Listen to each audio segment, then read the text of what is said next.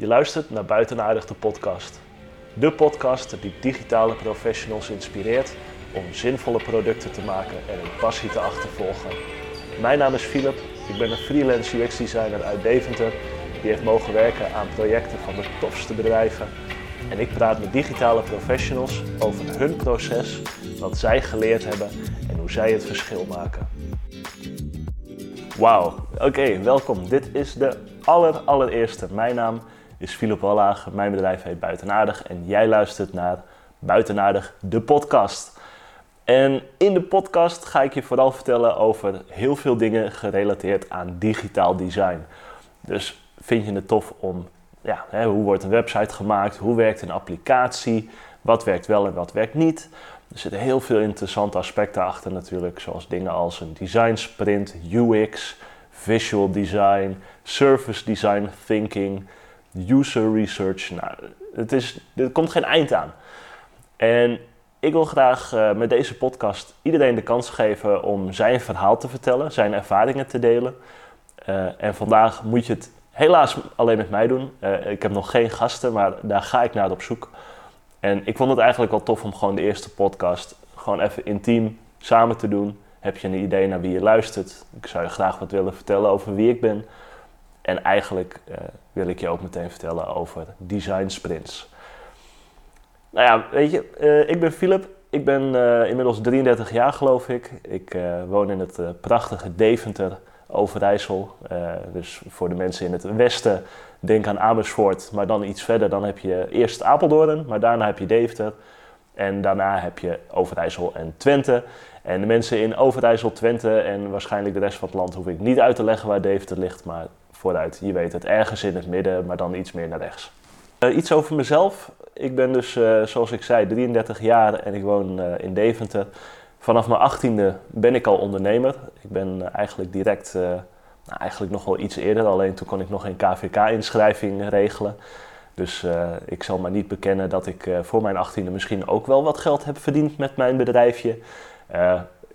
Ik ga, ik ga niet uh, lopen provoceren alsof ik hier een of andere miljonair ben. Want dat ben ik zeker niet. Ik moet nog steeds werken voor mijn knaken. En dit wordt ook zeker geen podcast over hoe je een miljonair wilt worden. Uh, wil je dat graag wel? Ja, dat snap ik, dat ben ik ook wel. Maar daar kan ik je niet mee helpen. Wij gaan het gewoon lekker over digital design hebben. Uh, vanaf mijn achttiende ben ik begonnen met websitejes maken. Ik wist toen eigenlijk nog niet precies wat ik wou. Uh, ik heb gestudeerd aan het Grafisch Lyceum en de Hogeschool van Amsterdam. Uh, ja, op het Grafisch Lyceum sta je in één keer achter een drukpers. En op een gegeven moment moet je die schoonmaken. En dan sta je daar met een doekje bij die rollen. Nou, tegen de tijd dat je dat doekje er tegenaan houdt, uh, spuugde die machine maar aan de andere kant er weer uit. En toen was ik wel achter van, nou, dat drukwerkwereldje, dat is niet zo voor mij. En in die tijd was ik helemaal verliefd op Photoshop, mooie plaatjes maken. En uh, ja, daar begon het wel mee. En toen we op een gegeven moment nog uh, websites gingen ontwerpen in Photoshop. En dan die in stukjes knippen om die vervolgens weer in tabellen aan elkaar vast te plakken in HTML en CSS. Nou ja, uit dat tijdperk kom ik. Er is gelukkig veel veranderd, veel verbeterd. En zo eigenlijk ook wel mijn, mijn reis door het ondernemen heen. Ik heb zeven jaar lang WordPress-websites gemaakt uh, en ja, ook verkocht binnen de MKB-wereld. En het was een leuke tijd, maar ik merkte wel dat uh, ja, als je een website verkoopt voor 2.000, 3.000 euro, ja, dan is er ook maar zoveel tijd die je daaraan kunt besteden. En eigenlijk het aller, allervetste vond ik wel uh, om met name met bedrijven gewoon eens te praten over... hey, waarom kiezen mensen voor jullie? En waarom kiezen ze niet voor jullie concurrenten? Wat onderscheidt jullie product nou van die van een ander? En helaas kwam ik er ook wel achter dat in sommige gevallen in de MKB-wereld uh, daar niet iedereen helemaal van op de hoogte was. En ja, toen werd het voor mij wel duidelijk dat ik toch wel graag wat grotere organisaties uh, wou gaan helpen. Ik ben toen, uh, ja, heb ik een switch gemaakt na het bouwen van WordPress-websites. ben ik me meer en meer gaan verdiepen in UX. Dat uh, is inmiddels uh, zeven of acht jaar geleden. En ik ben toen, uh, ja, toen heb ik eigenlijk gewoon eens de stoute schoenen aangetrokken. heb ik gezegd van joh, ik ga lekker freelancen. ik heb een hele mooie lijst gevonden van de DDA's. Dat zijn de Dutch Digital Agencies. Dat zijn de, ja, dat zijn de, de grotere Nederlandse digitale bureaus. En die heb ik gewoon allemaal eens een keer gebeld en gemaild en gezegd: Jongens, mijn naam is Philip. Ik ben freelance UX designer. En misschien kunnen wij wel eens samen wat, wat gaan doen. Zo ben ik vrij snel nou, eigenlijk ook bij Mediamonks terechtgekomen. Ik heb daar ja, samengewerkt aan twee hele gave opdrachten. Eentje voor Lego en eentje voor Adidas. vervolgens nou, ben ik eigenlijk een rondje Amsterdam wezen doen. Ik heb een tijdje nog voor Philips wat mogen doen. In Amsterdam heb ik ook nog bij een bedrijf gewerkt dat organisaties helpt met hun interne communicatie. Dus die hebben een hele mooie app waarmee je ja, op een zinvolle manier kunt communiceren met je werknemers. Dus uh, ja, je hebt, de een werkt misschien wel in de techniek, de in de administratie, de ander heeft misschien wel avonddienst. Nou, en hoe zorg je er nou voor dat de juiste mensen, die dus verschillende interesses hebben, op het juiste moment de juiste berichten lezen? Nou, dat was ook een hele toffe uitdaging en samen met hen heb ik ook ja, mogen meewerken aan projecten voor PwC, Vodafone, uh, Heineken. Nou, een aantal hele mooie grote organisaties.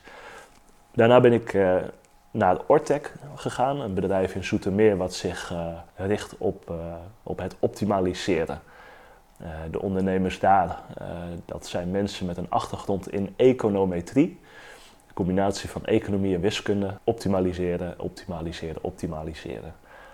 En dat doen zij ja, voor routeoptimalisatie. Maar bijvoorbeeld ook als je de vraag hebt van goh, hoe kunnen we nou een zeecontainer of een vrachtwagen zo vol mogelijk proppen zonder dat er dingen kapot gaan. Nou, dat soort uitdagingen. Ja, het was me echt verbaasd over hoe vet dat eigenlijk is. Als je dan in één keer ontdekt van joh, volgens mij ben ik nu bezig in de logistiek en met vrachtwagens.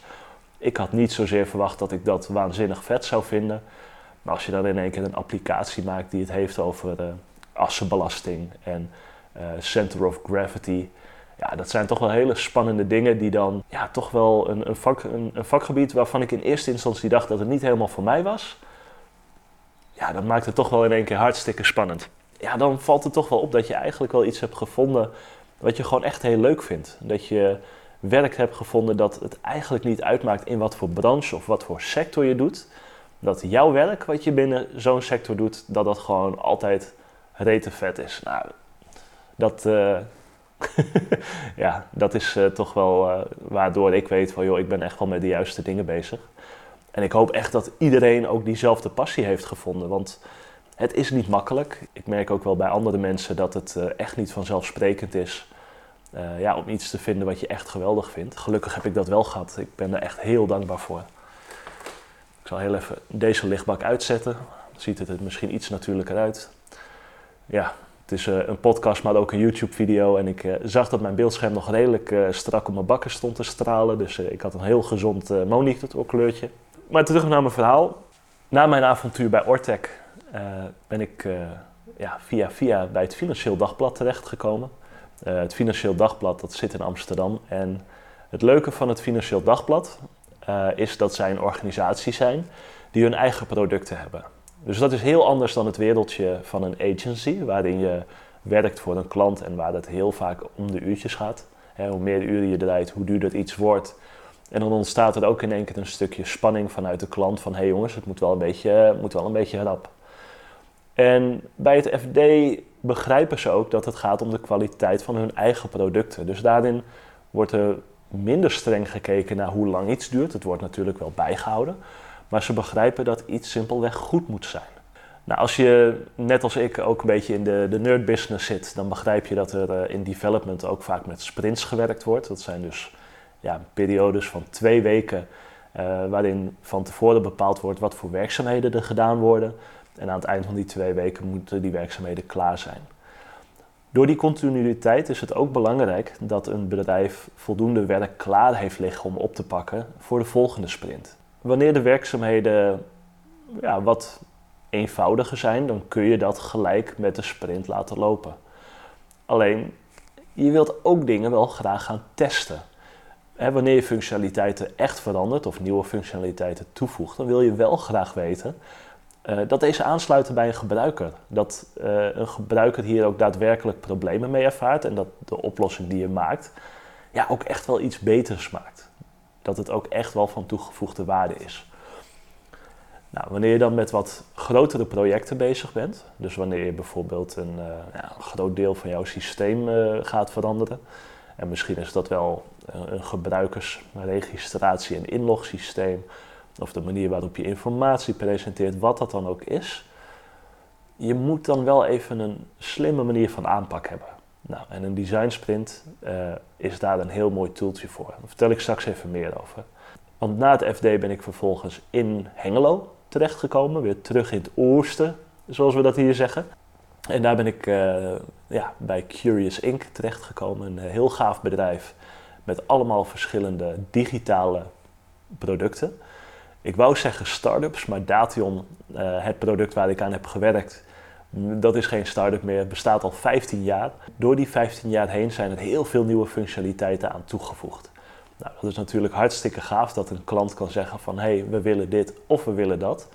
Uh, maar het is wel een uitdaging om dat soort dingen op de juiste plek allemaal te krijgen. Ik heb ze mogen helpen om te zorgen dat het systeem wat gebruiksvriendelijker werd, maar ook een aantal problemen van uh, gebruikers of opdrachtgevers mogen tackelen met een design sprint. Het is niet altijd zo handig als even ergens een knopje toevoegen, uh, alhoewel sommige mensen dat waarschijnlijk wel denken of voelen, maar dat heeft vaak meer voet in de aarde dan je denkt. Dus ook voor Dation en Curious Inc. heb ik een aantal design sprints mogen verzorgen, die voor sommige organisaties een enorme besparing hebben opgeleverd. Nou, ik zal daar nu nog niet helemaal in de details gaan, maar dat is een beetje mijn carrière tot nu toe, mijn route. Ja, in grote lijnen is dus dat van web naar UX gegaan.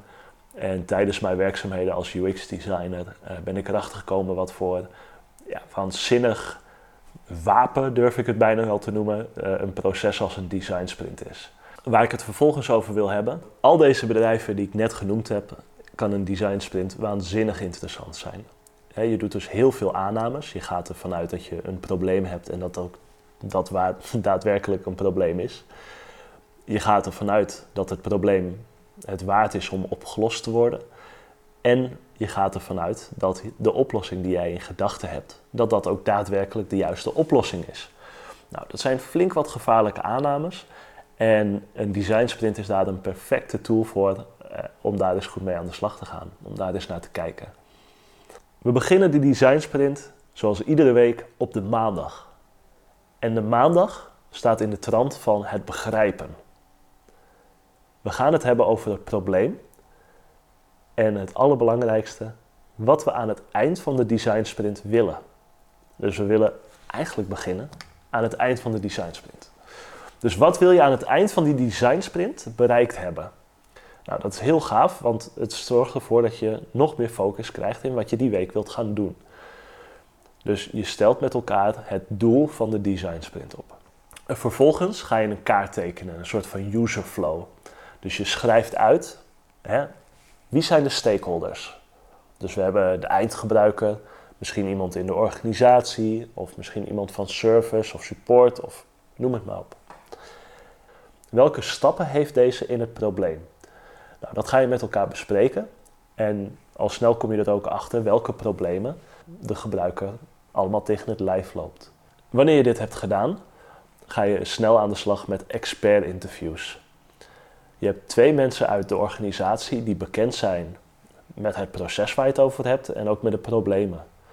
Deze laat je kijken naar de kaart die je hebt gemaakt met elkaar en je vraagt hen om te vertellen over de problemen die een gebruiker of een stakeholder tegenkomt.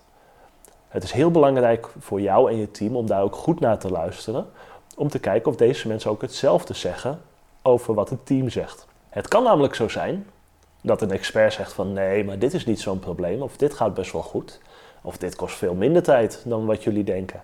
Maar hier, hier zit echt het knelpunt. Nou, dat soort inzichten zijn natuurlijk super belangrijk. Wat je vervolgens gaat doen, is je zoomt in met het team op het onderdeel waar de meeste problemen zijn, of het belangrijkste is in het hele proces. En deze omcirkel je en je kijkt ook opnieuw naar jouw sprintdoel. Als je dan weet van, hé, hey, wat is het doel dat wij willen bereiken en welke rol speelt dit specifiek onderdeel daarin, hoe komt dat dan samen? Hoe kunnen we dat bij elkaar brengen? En nu moet het duidelijk zijn wat je deze week wilt gaan bereiken. De dinsdag staat helemaal in de sfeer van het verbeelden. Je gaat met het team samen op zoek naar verschillende manieren om het op te lossen. Nou, dat begint s ochtends met een kamer die helemaal volgeplakt is met verschillende bestaande oplossingen. Dit kunnen oplossingen zijn van concurrenten of misschien wel van een compleet ander product, maar die ook maar enigszins te maken hebben met het probleem waar jullie mee gaan werken. Nou, deze inspiratie is vooral, vind ik, ook heel belangrijk voor de mensen die niet zo vaak bezig zijn met interfaces. Wanneer ze zoiets zien van, oh, die doen dit zo of die doen dat zo. Het maakt voor hun het een stukje makkelijker en wat tastbaarder om alternatieven te bekijken. Je loopt samen deze inspiratie door in iets dat heet Lightning Demos. Iedereen die mag dan even snel wat presenteren of laten zien. En je plakt ook dit allemaal lekker aan de muur. In het tweede dagdeel ga je samen met elkaar in een heel tof proces uh, ervoor zorgen dat iedereen uiteindelijk een mooi uitgeschetste oplossing heeft. Misschien is mooi wel erg relatief, want het hoeft echt niet mooi te zijn. Veel mensen die hebben het dan ook over van ja, ik kan niet tekenen. Het hoeven alleen maar vierkantjes te zijn, rechthoeken of iets wat daar een beetje op lijkt, met wat leesbare teksten bij. Dat hoeft echt niet heel ingewikkeld te zijn. Uh, er zit een heel tof proces in. Uh, dat heet de Crazy Eights. Nou ja, dan ga je heel snel, je vouwt een A4'tje dubbel, nog een keer dubbel, nog een keer en nog een keer dubbel. Misschien één keer minder, weet ik zo even niet uit mijn hoofd. Maar dan vouw je weer open en dan heb je acht vlakken. Volgens mij drie keer dubbel. Ja, maakt niet uit. Dan heb je acht vlakken op een A4'tje en dan ga je heel snel schetsen. Die moeten binnen een minuut uh, allemaal geschetst zijn, of per stuk in een minuut geschetst zijn. Dus dat is echt heel snel. En dit is een hele leuke manier om alternatieven te bedenken. En het gaat er echt niet om dat ze alle acht goed zijn, of dat, hè, het gaat erom dat je een aantal verschillende probeert. Nou goed, dit is dus ook een opstapje naar die uiteindelijke schets. Dus het is een heel mooi proces om uiteindelijk iedereen aan een mooi, uh, aan een mooi concept te helpen, aan een mooie, ja, mooie schets. Nou, die schetsen die hang je dan allemaal op uh, in een soort van, ja, ze noemen het een kunstmuseum. Het zijn echt niet de mooiste schetsen, maar vooruit een museum, kunstmuseum, helemaal goed, die hang je dan op. En dat is het einde van de dinsdag. De woensdag, dat gaat over beslissen. Je komt weer met je team bij elkaar in die kamer. En daar hangen dus al die schetsen. Nou, wat er vaak gebeurt is, ik hoorde het vandaag nog, normaliter één iemand die zegt wat ik denk of ik vind. Nou, daar begint het hoor. Dan is er wel iemand anders die ook wel iets vindt en ook wel iets zegt. Dit soort ja, discussies die er dan ontstaan, kosten enorm veel tijd, zijn echt niet productief. En daar is in een design sprint ook een heel mooi proces voor. Wat er namelijk gebeurt is, er is één iemand, vaak de facilitator, degene die hè, ervoor zorgt dat de tijd een beetje in de gaten gehouden wordt, die praat over al die uh, tekeningen. Dus die begint bij de eerste en die zegt: Ik zie hier uh, dit en dit.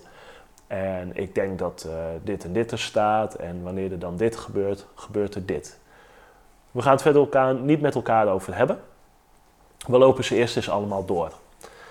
Vervolgens mag iedereen er zelf even naar kijken. En die hebben dan van die mooie ja, ronde stickertjes. En die kun je er dan lekker op plakken. Ja, ze noemen dat dot voting. Dus iedereen mag een aantal stickertjes plakken. En dan uiteindelijk is er een uh, designer. Degene die dus echt de knopen moet doorhakken. Die mag kiezen.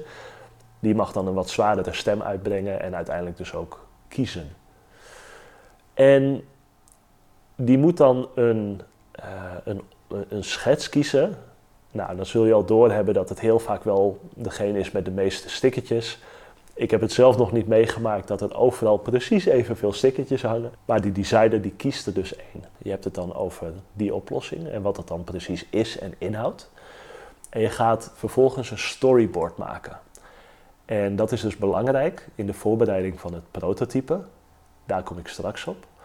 Om ervoor te zorgen welke plaatjes hebben wij straks nodig om een prototype te maken. Storyboard is dus eigenlijk een verhaal waar een gebruiker doorheen gaat klikken om dus dat concept te testen. Dat zijn dus niet misschien twee of drie tekeningen die daaraan vastzitten, eh, maar dat zijn misschien wel 40, 50 schermen. Nou, die ga je met elkaar samen bepalen Uh, ook dat is weer een hele kunst op zich. Ik zal daar nu niet in de details treden. Daar maken we later wel een apart verhaal van. Het is dus belangrijk om te zorgen dat je dat storyboard af hebt en precies weet wat je nodig hebt voor je prototype.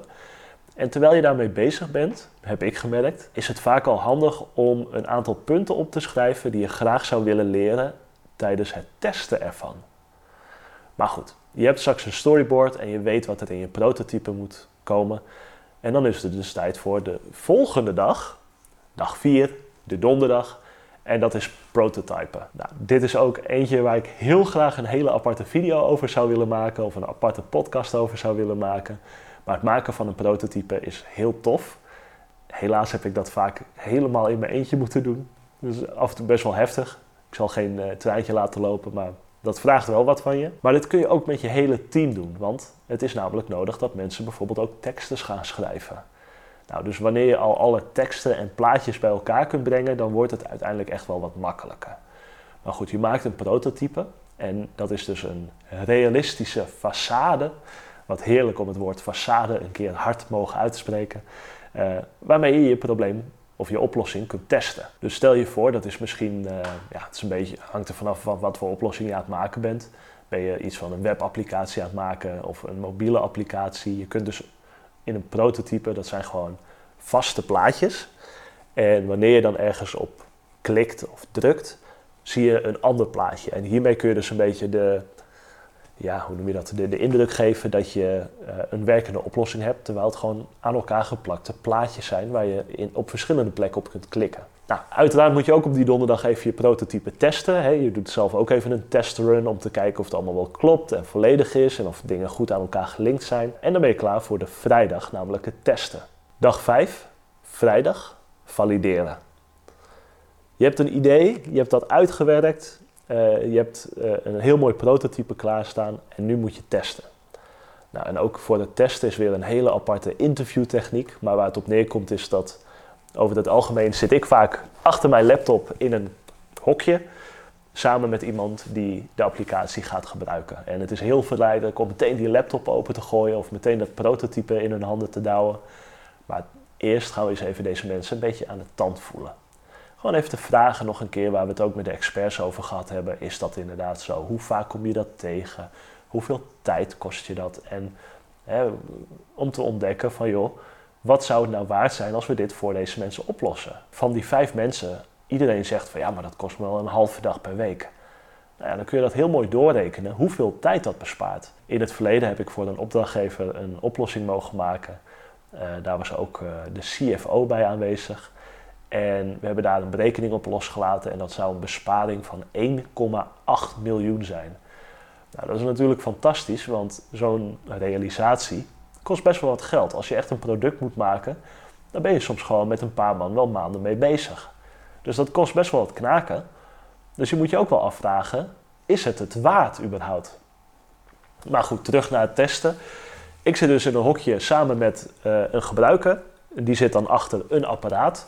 In een andere kamer zit de rest van het team mee te kijken. Dus we doen bijvoorbeeld een schermopname of uh, de webcam die staat aan en er staat een microfoon.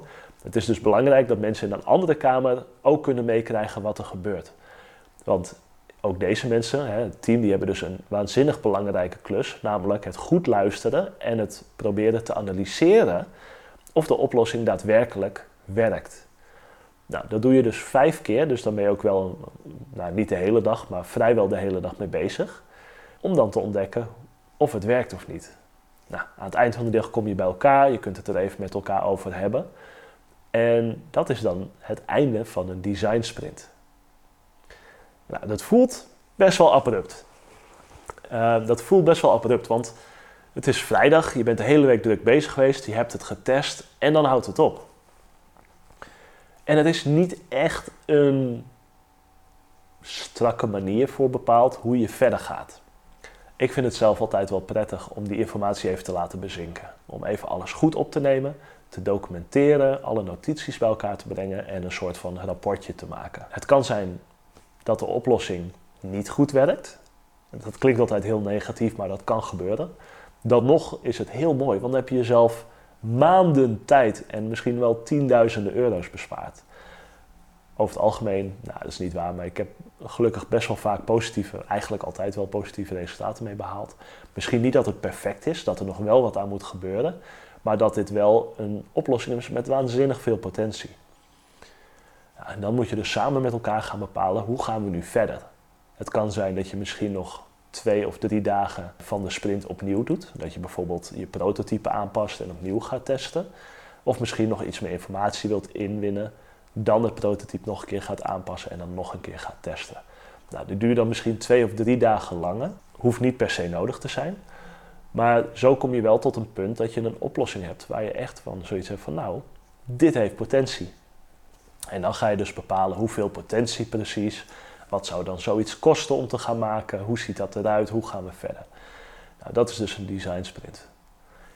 Dat is best wel een heel verhaal. Wat ik persoonlijk hier heel gaaf aan vind, is dat je dus gaat nadenken over het probleem. Is het wel echt een probleem? Is dit wel iets wat we willen oplossen? Begrijpen we het wel goed? Er zit best wel veel in wat, ja, wat, wat je normaliter overslaat. Veel mensen die hebben vaak de neiging om direct te gaan werken aan een oplossing. En je moet toch proberen dat probleem te begrijpen. En ook ja, vanuit de organisatie inderdaad dat bevestigd te krijgen. Want ik zelf werk niet bij die organisaties. Al zegt iemand tegen mij: Wij hebben een enorm probleem met dit, kan ik niks anders doen dan aannemen dat dat ook daadwerkelijk is. Maar met zo'n design sprint ga je dat toch even valideren. En dat vind ik wel heel erg prettig. Je gaat niet alleen maar ervan uit dat het zo is. Nou, je bent veel meer gericht op uh, de gebruiker. Het is echt user-centered design. Je gaat dus echt luisteren naar die experts en je gaat het ook echt testen met die gebruikers. En je weet heel goed van, nou, we hebben verschillende stakeholders. En je hebt ook echt een, een story, dus je weet een storyboard of een user flow. Je weet dus precies wat die gebruikers meemaken en waar dat zeer doet. Nou, dit is gewoon een prachtige manier om dingen te gaan ontwerpen die vervolgens ook echt waarde toevoegen. In alle eerlijkheid, het duurt vijf dagen. Maar wat je dan in die vijf dagen bereikt hebt, ja, dat is echt fantastisch. Hier wil ik het voor nu eventjes bij laten. Uh, dit was dus de eerste ja, videopodcast. Ik vond het heel tof dat jullie even de tijd hebben genomen om te luisteren. Ik zou zeggen, voor meer informatie, check even de website buitenaardig.nl. Doe even liken op al die social media kanalen. Buitenaardig is de naam. En ja, ik ben gewoon reuze benieuwd naar wat jullie ervan vinden. Laat alsjeblieft wat reacties achter. Uh, vind je het fantastisch, hoor ik het graag. Vind je het drie keer niks, dan hoor ik het ook graag. Heb je ideeën, onderwerpen, aanvragen? Of vind jij het misschien wel tof om de volgende keer bij mij in een podcast te zitten? Laat het even weten. Dan uh, gaan we kijken of we dat kunnen regelen. Ik vond het in ieder geval heel leuk om te doen. Ik hoop dat jij het leuk hebt gevonden om ernaar te kijken en te luisteren. En hopelijk tot de volgende keer. Hey, top. Bedankt. Yo.